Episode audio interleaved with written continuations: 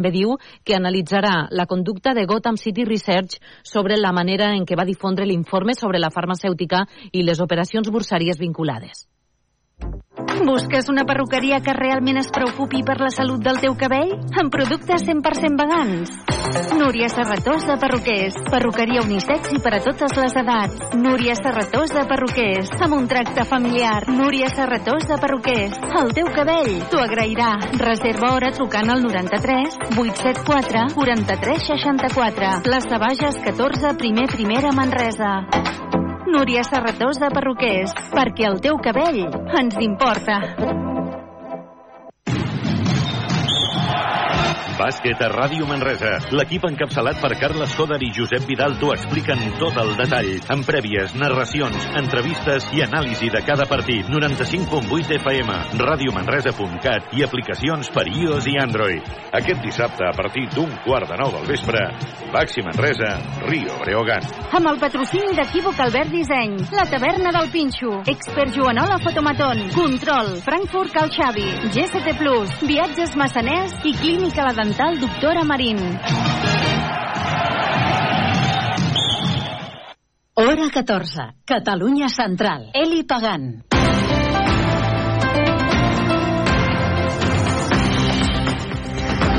Hola, què tal? Bon migdia. Passen 21 minuts a les 12, hora 14. Hores d'ara tenim sol i 12 graus al centre de Manresa, a Sant Domènec. Laura Vilagrà, la Sampadorenca, és la nova vicepresidenta del govern català. El president de la Generalitat, Pere Aragonès, ha nomenat la fins ara consellera de la presidència, Laura Vilagrà, com a nova vicepresidenta de l'executiu. La Sampadorenca era des del maig del 2021 i fins ara consellera de la presidència del govern de la Generalitat. En el seu currículum polític, Vilagrà hi té l'haver estat alcaldessa de Santpedor entre 2003 i 2015, diputada al Parlament de la vuitena i novena legislatures i ha ocupat altres càrrecs territorials com a membre d'Esquerra Republicana de Catalunya. Catalunya i en l'àmbit de la gerència. Aquest canvi de govern, el tercer que fa Aragonès durant els seus gairebé 3 anys de mandat, l'ha anunciat durant una compareixença aquest dimarts a Palau, on ha argumentat els canvis de cara a reforçar l'estructura ja existent de l'executiu. Hem decidit reforçar el que són els àmbits de govern que hauran d'exercir un paper fonamental en aquest àmbit. I, per tant, la meva decisió és nomenar la consellera Laura Vilagrà, vicepresidenta del govern, assumint doncs eh, un rol que podíem dir que en bona part ja estava portant a terme i alhora també nomenar l'actual eh, director de l'Oficina d'Estratègia i Comunicació de la Presidència i del Govern, Sergi Sabrià, nomenar-lo viceconseller d'Estratègia i Comunicació del Govern vinculat en el Departament de la Presidència a més del nou càrrec de Laura Vilagrà, que recupera una vicepresidència vacant des de la sortida de Junts de l'executiu, aquesta compareixença ha servit al president de la Generalitat per avisar l'oposició que pot abandonar tota esperança de que no culminin el mandat.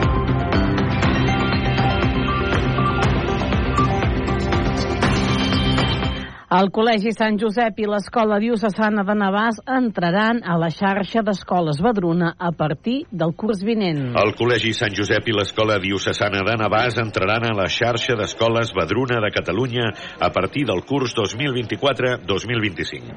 L'Escola Diocesana de Navàs, fundació privada, ha traspassat la titularitat de tots dos centres educatius concertats a la Fundació Badruna Catalunya Educació, segons informen en un comunicat.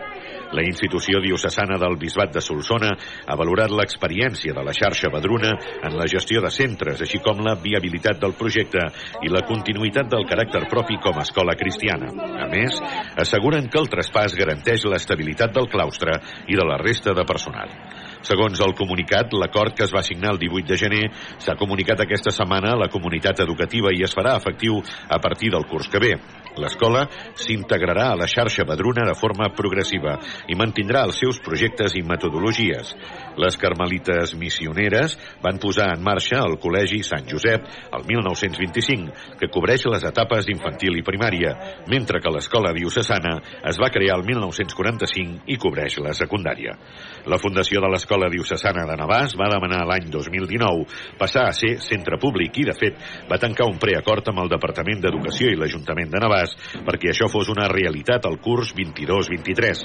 Finalment, però, l'acord no va quallar perquè la Generalitat va acceptar que l'escola diocesana passés a ser pública, però va rebutjar que també ho fos el Col·legi Sant Josep. Davant d'això, el patronat va rebutjar la proposta perquè volien una integració completa.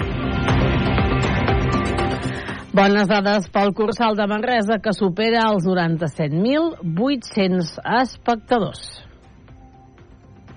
L'any 2023 ha estat excepcional per al Teatre Cursal de Manresa. L'equipament ha assolit un total de 97.829 espectadors, la xifra més alta dels seus 17 anys de història.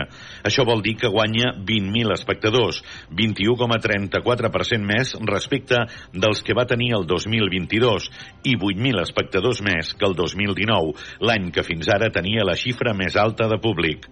El seu gerent, Jordi Basomba, ha subratllat que es tracta d'una dada molt positiva, però que s'explica pel fet que aquest any s'han programat quatre grans musicals, La jaula de les loques, El petit príncep, L'alegria que passa i Gris. Que estem molt contents per assolir aquesta xifra, però no amb la xifra en si, perquè ve condicionada per una programació que en aquell moment està girant.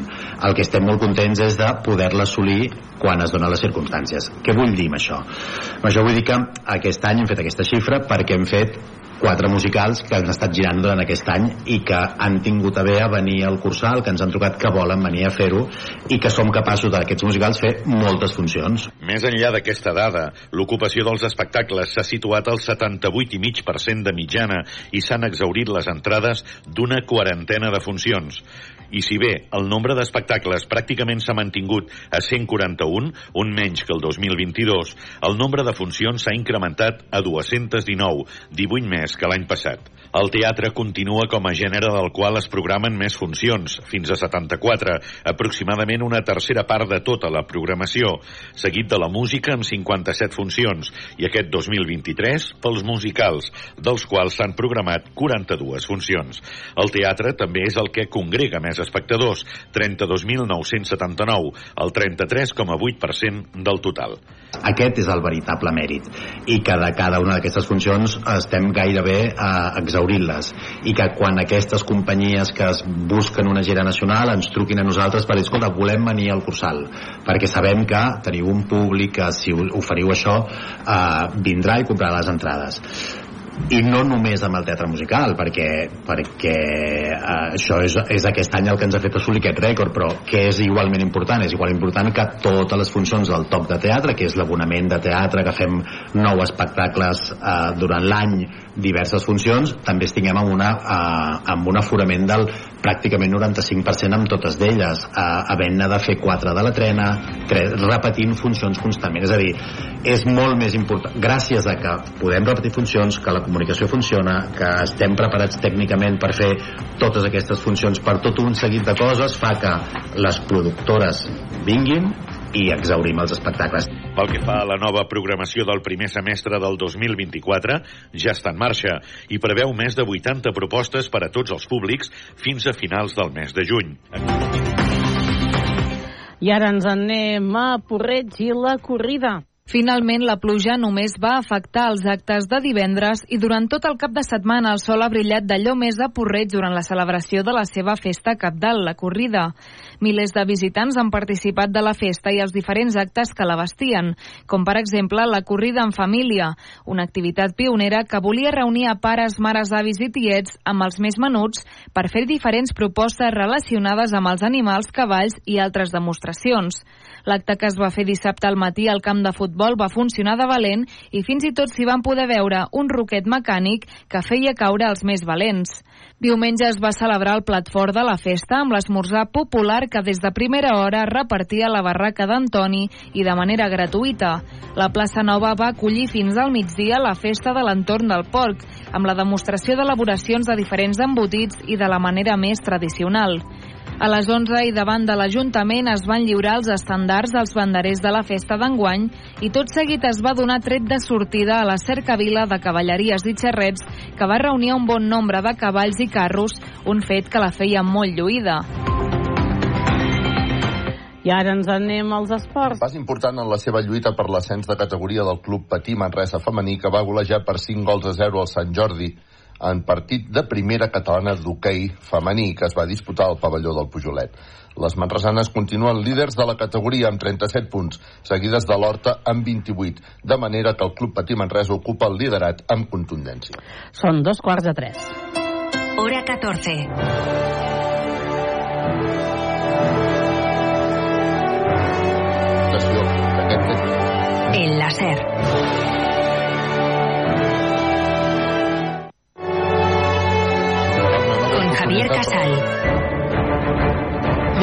Hora, dos y media en España, cinco y media de la madrugada en Los Ángeles, la Academia de Hollywood da a conocer sus nominaciones a los Oscar.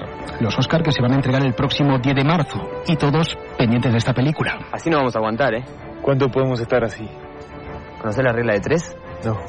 Tres minutos sin respirar, tres días sin consumir agua, y tres semanas sin comer. Tres semanas sin comer. Yo llevo tres días sin comer y me estoy muriendo de hambre. La Sociedad de la Nieve de Bayona, que ojalá, ojalá salga en los próximos minutos como candidata a mejor película extranjera. José Manuel Ramiro, compañero del cine láser, bueno, madrugón en la costa oeste, eh, donde ahora mismo debe estar a punto de arrancar, ¿no? La lectura de estas nominaciones. A punto, a punto, está a punto de, de comenzar esa, esa lectura y la verdad es que Bayona tiene muchísimas opciones de entrar entre las cinco candidatas